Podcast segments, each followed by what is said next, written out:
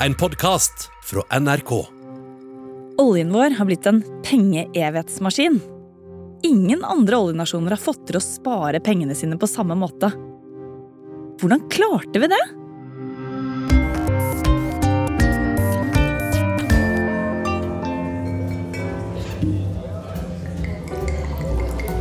Nå er du inne i en fornem villa i Parkveien i Oslo. Den heter Villa Parafina. Datoen viser 28. mars 2001. Vi står diskré lent inntil veggen og ser på en gruppe menn og kvinner som er i ferd med å sette seg til bords. Middagen, i det som egentlig minner mest om et eh, murslott, skjer hvert år. Det er den årlige finanskomitémiddagen, hvor bl.a. Stortingets finanskomité og folk fra Finansdepartementet er samlet. Nå kommer maten. På menyen står ferske kamskjell med safransaus til forrett. Ved siden av middagen serveres det selvsagt også vin. Mye vin. Men eh, fire av dem som er invitert på middag, har bare vann i glassene sine. De har fått streng beskjed om å ikke drikke, for i morgen skal det presenteres noe som vil endre Norge. Noe de har jobbet med i nesten ett år. Og hva det er disse fire edru skal gjøre, skal du snart få vite. Jeg heter Cecilie Langum Becker og er økonomikommentator i NRK. Og nå skal jeg fortelle deg den utrolige historien om hvordan oljen utenfor kysten av landet vårt endte opp med å bli en pengeevighetsmaskin. Det er så unikt i verden at jeg syns det absolutt burde vært pensum.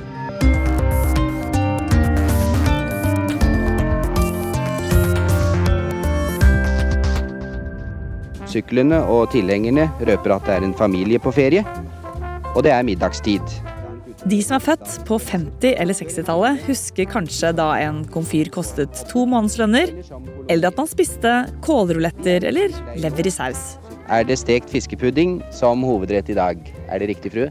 Ja, det stemmer det. Fiskepudding. Men vi andre, vi husker ikke noe av dette. Vi husker statlig velstand. For hvis du er født omtrent på samme tid som meg på 80-tallet eller senere, så kan du sannsynligvis ikke huske en tid der Norge ikke var et rikt land. Og grunnen til det, det er jo særlig én ting. Oljen.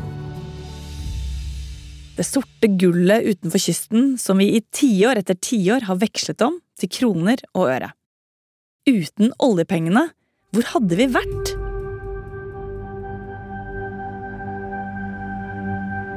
Og er det egentlig en selvfølge at vi skulle greie å spare alle disse oljepengene, og ikke bruke dem opp etter hvert som de kom inn på konto? Nøkkelen til hvordan vi fikk det til, viste seg å være en regel. En regel som ble presentert for det norske folk dagen etter finanskomitémiddagen i 2001. Nå er du tilbake i middagsselskapet i Villa Parafina. Departementsråd Tore Eriksen er en av de fire som drikker vann. Han har Siv Jensen til bords, og på denne tiden er hun leder av finanskomiteen. Og rett før konjakkparfeen med sjokolade og nøtter, altså desserten, så reiser han seg og sier til Jensen Jeg beklager, jeg må nok gå nå. For vi skal jo legge fram et langtidsprogram i morgen, og der gjenstår det noe på finpussen. Så jeg må ta med meg noen medarbeidere her og, og, og forlate måltidet. Men Eriksen, som her gjenskaper samtalen for oss, han lyver med vilje. I virkeligheten så skal han tilbake på kontoret med de tre andre og finpusse regelen som skal endre Norge, og som skal presenteres dagen etter. Arbeidet hans startet rett før sommeren i år 2000. Da gikk nemlig departementsråd Tore Eriksen inn på kontoret til finansminister Carl Eirik Schjøtt Pedersen. Her hører du Eriksen selv fortelle hva han sa til sjefen sin. Karl Eirik, oljepengene blir mye større framover enn det vi har trodd. Vi må ha en regel for å styre pengebruken. Ellers så mister vi kontrollen over dette. Jens Stoltenberg følger prosessen tett. I dag er han Nato-sjef, men den gang var han statsminister i Norge. Planen for hva vi skal gjøre med oljepengene, er klar. Og nå blir det Stoltenbergs oppgave å overbevise Stortinget og folket om at dette er en bra plan. Jeg tror alle skjønte at dette var øh, kunne bli veldig viktig. Og hele ideen var å skille det å tjene penger fra det å bruke penger. Og det å lage en regel som gjør at dette fondet kunne vare i evig tid. Det handlet jo om å gjøre noe som var faglig riktig, men det handlet også om å få til noe som var politisk mulig. Eh, og Derfor jobbet vi mye med det faglige, men vi jobbet jo også mye med det, hvordan dette skulle presenteres og forklares. Jens Stoltenberg har vært statsminister i bare litt over et år, og nå skal han legge frem noe han skjønner kommer til å bli veldig viktig og veldig stort. Nå er det straks pressekonferanse. Stoltenberg står på bakrommet og leser over notatene sine. Hvordan vil reaksjonene bli? Jeg er spent. Eh, jeg er uh, usikker på hvordan det kommer til å bli uh, mottatt. Men jeg forstår at det er en historisk dag for Norge, som kommer til å bety noe for hvordan Norge forvalter store oljeinntekter i mange år eh, framover. Og mens vi venter på at pressekonferansen skal begynne, så vil jeg gjerne minne deg på det som startet alt sammen. Nemlig oljen. Og ikke dette nå. Dette blir bra. Det er viktig at du kan noe om oljehistorien vår også. Og det er jo tross alt mye av grunnen til at du kan gå på skole i 13 år helt gratis, og at kostbar kreftbehandling ikke koster mer enn opp til frikortgrensen. Og du kan høre på meg uten å betale en krone for episoden. Ikke sant, oljefondsjef eh, Nicolai Tangen? Nå skal ikke jeg liksom ta rosen for at denne podkasten er gratis, men, men, det er klart at, at oljepengene hjelper det norske samfunn. Du skal få bli med på kontoret til Nicolai Tangen etterpå og høre hva han syns om å være den som kan tape aller mest penger i hele verden noensinne. Men først, som sagt, litt oljehistorie. Og for Norge er det helt klart at betydningen av Ekofisk-funnet var enorm. Når vi snakker om Norge og alle oljepengene, så er det viktig å huske på at eh, vi har jo ikke hatt olje i evig tid. Faktisk bare litt over 50 år, eller den har jo ligget der under bakken, da, men og oljehistorien jeg nå skal fortelle deg, handler blant annet om en full danske. Men la oss ta det fra begynnelsen, for det startet ikke så bra. På begynnelsen av 60-tallet var det nesten ingen som trodde at Norge hadde olje. Basert på den kunnskapen man hadde om havbunnen på den tiden, konkluderte dresskledde herrer i Utenriksdepartementet med at man kan se bort fra at det vil kunne finnes olje, kull, svovel på kontinentalsokkelen langs den norske kyst. Men i løpet av 60-tallet skjedde det noe. Det var flere oljeselskaper som ville til Norge for å lete etter olje. De hadde nemlig begynt å lukte gull. Kunne det være olje i Nordsjøen likevel? Men det var ett problem. Problemet var at man ikke hadde bestemt hvem som eide havbunnen. Og hvem skulle da få oljen, om det fantes noen? Dette måtte Norge bli enige med Storbritannia og Danmark om. Hadde flere hatt tro på at det fantes olje og gass på norsk sokkel, så kunne forhandlingene blitt mer konfliktfylte. Og tro var det altså nesten ingen som hadde. Flaks for oss. I 1965 fikk Norge en avtale både med Storbritannia og Danmark. Og i avtalen så tok vi utgangspunkt i det man kaller midtlinjeprinsippet. Det betyr at man lager en grense under vann som er like langt fra hvert lands kyst. Og nå kommer vi til den fulle dansken som hjalp oss å bli søkkrik på olje.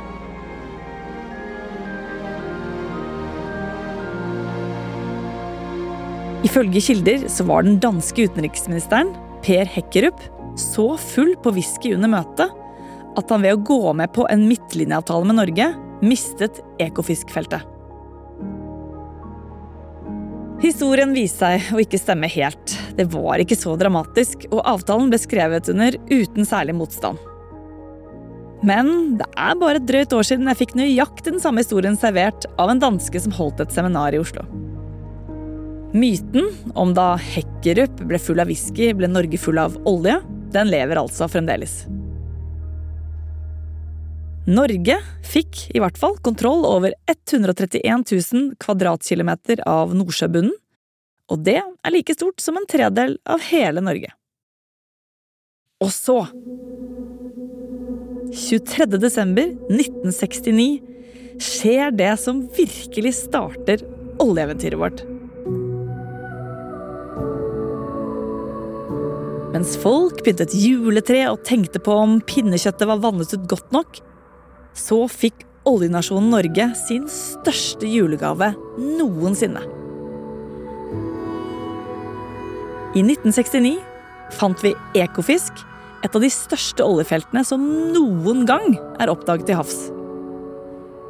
Nå hører du Nils Gulnes. Han var juridisk leder på Norges første oljekontor. Da sto det med stor, stor overskrift med Brussel som kilde at olje og gass var funnet på norsk kontinentalsokkel i enorme mengder. 15.6.1971 veltet de første oljemilliardene ut fra brønnene. Og det var bare starten. Men inntektene fra oljen de varierte jo mye fra år til år.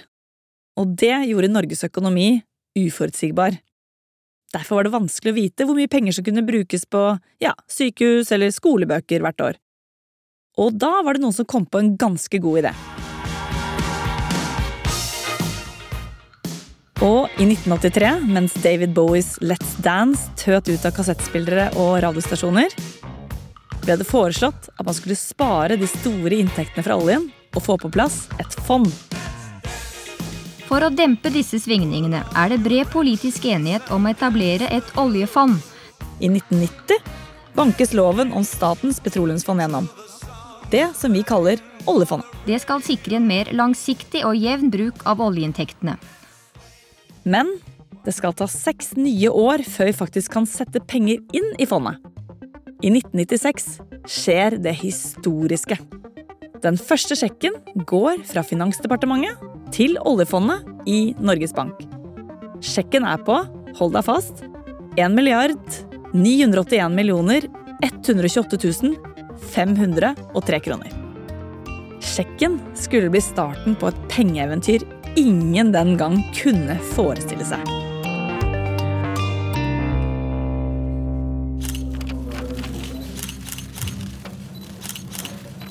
Nå er du tilbake på pressekonferansen i 2001. Straks skal Jens Stoltenberg fortelle om den geniale regelen som skal gjøre oljefondet om til en pengemaskin helt inn i evigheten. Jeg er spent, jeg forbereder meg. Jeg er opptatt av å forklare dette på en forståelig måte. Og så håper jeg at det er en historisk dag, fordi det handler om å lage en regel eh, for bruk av oljepenger som gjør at vi skal eh, gjøre om en ikke-fornybar ressurs, olje i bakken, til en evigvarende ressurs. Penger i banken. Nå begynner pressekonferansen. Det som var oppgaven i forrige periode, var jo å bygge opp et oljefond. Nå har vi fått et oljefond av en betydelig størrelse. Alle oljeinntektene skal gå rett inn på oljefondet. Det vi skal bruke, er avkastningen. Og så prøver jeg da å bruke et eksempel med at uh, dette er som å bare hugge tilveksten av skogen. Hvis vi bare gjør det, så vil uh, skogen stå der for alltid. Uh, og Jeg husker jeg sliter mye med å finne sånne enkle eksempler. Men det er viktig for meg å finne enkle, enkle eksempler, fordi det er så viktig å få politisk tilslutning til hele ideen om oljefondet. Jeg er ikke sikker på om alle som så pressekonferansen, opplevde det like mektig. Jeg har sett noen bilder av meg selv som litt usikker statsminister, som prøver å komme til eksempel om at vi bare skal hugge tilveksten i skogen, men jeg er litt eh, usikker på om det eksempelet fungerer. Så, så, så det er en stor dag, men eh, det, det stråler ikke ut av, eh, av statsminister Jens Stoltenberg. Dette blir en viktig dag i norgeshistorien. Datoen er 29. mars 2001. Da legges handlingsregelen frem for første gang. Vi har på en måte funnet opp en evighetsmaskin. Det er bestemt at man bare skal bruke 3% av hele oljefondet hvert år. Som er omtrent det man kan forvente å tjene på å ha pengene plassert i aksjer og rentepapirer hvert år. Bruker vi ikke mer enn det, så kan fondet, i teorien, da, vare i evig tid. Handlingsregelen har blitt 20 år, og i løpet av de siste 20 årene har oljefondet vokst og vokst og vokst. Og når fondet har blitt så innmari stort, kan vi ikke egentlig bare bruke mer av pengene? En ting er at vi skal spare til fremtidige generasjoner, men vi kunne brukt ja, halvparten, da. Det hadde fortsatt vært veldig mye igjen. En av grunnene til at vi ikke kan gjøre det, er frykt for noe man kaller hollandsk syke. Hollandsk syke kommer fra da Nederland gikk skikkelig på trynet. Nederlenderne hadde fått masse gassinntekter på 60-tallet, så brukte de mye av pengene på offentlig sektor. Altså skoler, sykehus, veier, broer og sånne ting. Men da det ikke kom mer gassinntekter, det var da det begynte å gå nedover. For hvor skulle de få pengene fra nå? Det endte med en skikkelig økonomisk slankekur gjennom 80-tallet, hvor bare flere og flere ble arbeidsledige. Først på 90-tallet klarte de å komme seg økonomisk tilbake til der de hadde vært før de fikk gassinntekter. Det er med andre ord en dårlig idé for økonomien i landet å bruke pengene når de kommer inn, selv om de brenner i lommen. Norge har unngått hollandsyke. Likevel er det flere økonomer som har pekt på at veksten i offentlige utgifter har vært veldig sterk. Det fører til at mye i landet vårt har blitt dyrt, f.eks. arbeidskraft. Vi vil jo ha høy lønn. Det gjør det vanskeligere for de bedriftene i Norge som konkurrerer med bedrifter i utlandet. Her er tidligere finansminister Jan Tore Sanner. Vi må hele tiden eh, passe på, for vi må huske at eh, selv om oljen, oljeinntektene, arbeidsplassene der har stor betydning for Norge og det norske samfunn, eh, så er den øvrige industrien vår like viktig, eller kanskje enda viktigere. Det er arbeidskraften som er vår aller største ressurs.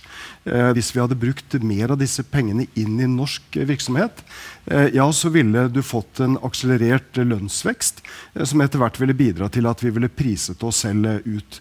Og erfaringen fra andre land, Holland, du har da begrepet Hollands syke, det er jo nettopp at man brukte for mye penger for raskt inn i økonomien. Og da bruker du opp pengene, og du undergraver øvrig verdiskaping. Så selv om pengene brenner i lommen, er det altså ikke mulig for politikerne å bruke mer enn de skal. Men hva skjer i fremtiden? Alle gode ting tar slutt en gang. Eller gjør de det? For det er ikke like mye olje å ta opp framover. Hva skjer da med oljepengene? Harald Magnus Andreassen er sjeføkonom i Sparebank1 Markets.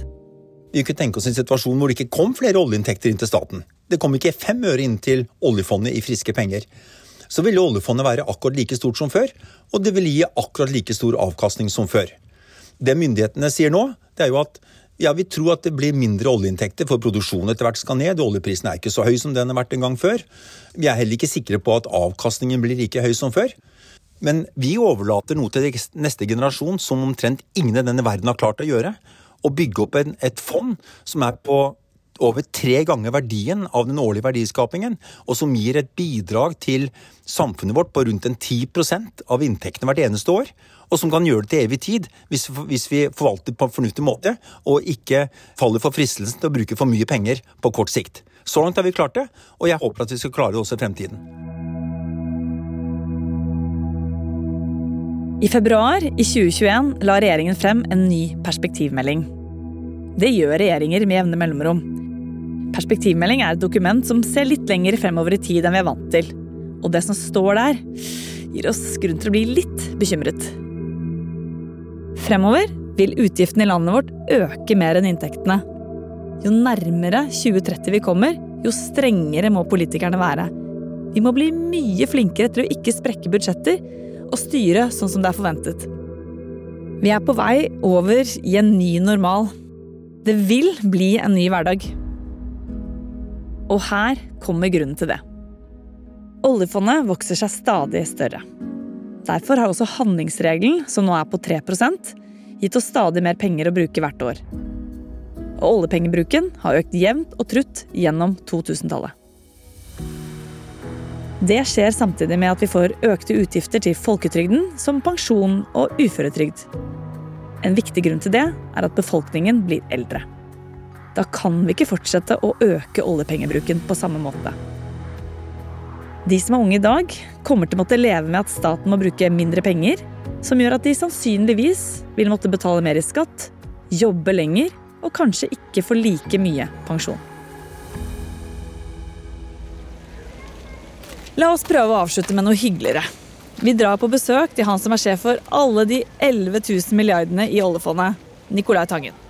Kontoret hans er inne i selve Norges Bank. Vi må spasere over Bankplassen, forbi den store fontenen og dukke inn i det store bankbygget. Kom inn. Hei! Kom inn, Hjertelig velkommen.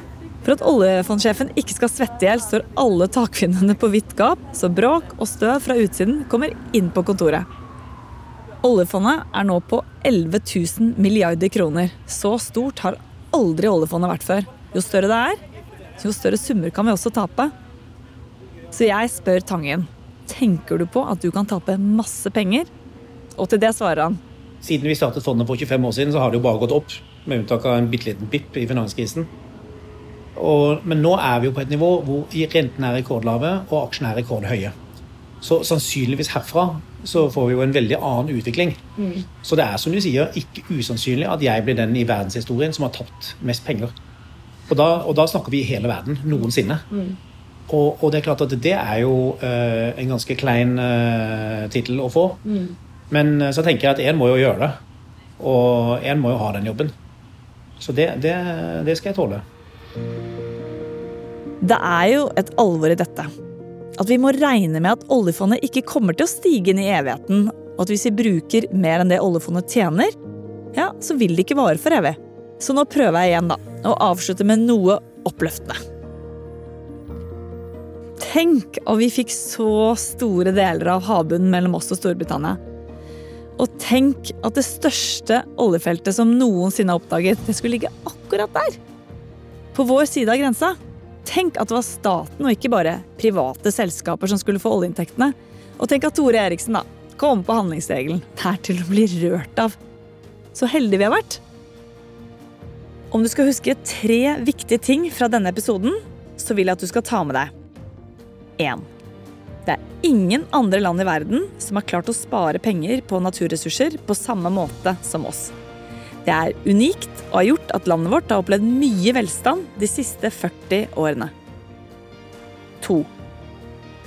Uten en regel for hvor mye vi kan bruke av oljefondet, altså handlingsregelen, så kunne vi risikert å bruke opp alle pengene våre og samtidig kjøre norsk økonomi rett i grøfta. 3. Jo større oljefondet er, jo mer kan vi også tape når det stormer i markedene. Over natten så kan hundrevis av milliarder bli borte. Derfor må vi ikke ta oljepengene for gitt.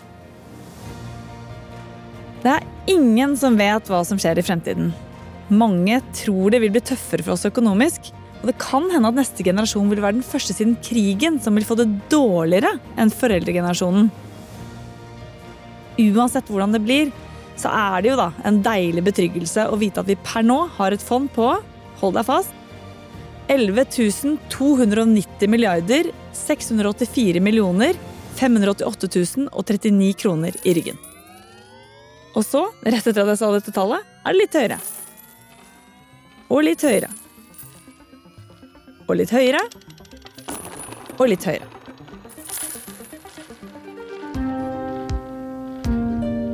Jeg heter Cecilie Langen Becker og er økonomikommentator i NRK. Nå håper jeg at du har lært litt om pengeevighetsmaskinen oljefondet vårt har vært de siste 25 årene. Så krysser vi fingrene for at det kommer til å fortsette å gi oss penger inn i evigheten. Har du lyst til å høre andre ting som burde vært pensum? Jeg kan anbefale episoden Hva gjør vi når jorda går under? av astrofysiker Maria Hammerstrøm. Burde vært pensum hører du i appen NRK Radio. Burde vært pensum er laget av Lyder Produksjoner for NRK. Produsent Tine Eide. Research Agnes Akre. Lyddesign Sondre Myrhol. Eksekutiv produsent Christian L. Marstrander. Og ansvarlig redaktør fra NRK, Jan Egil Odland.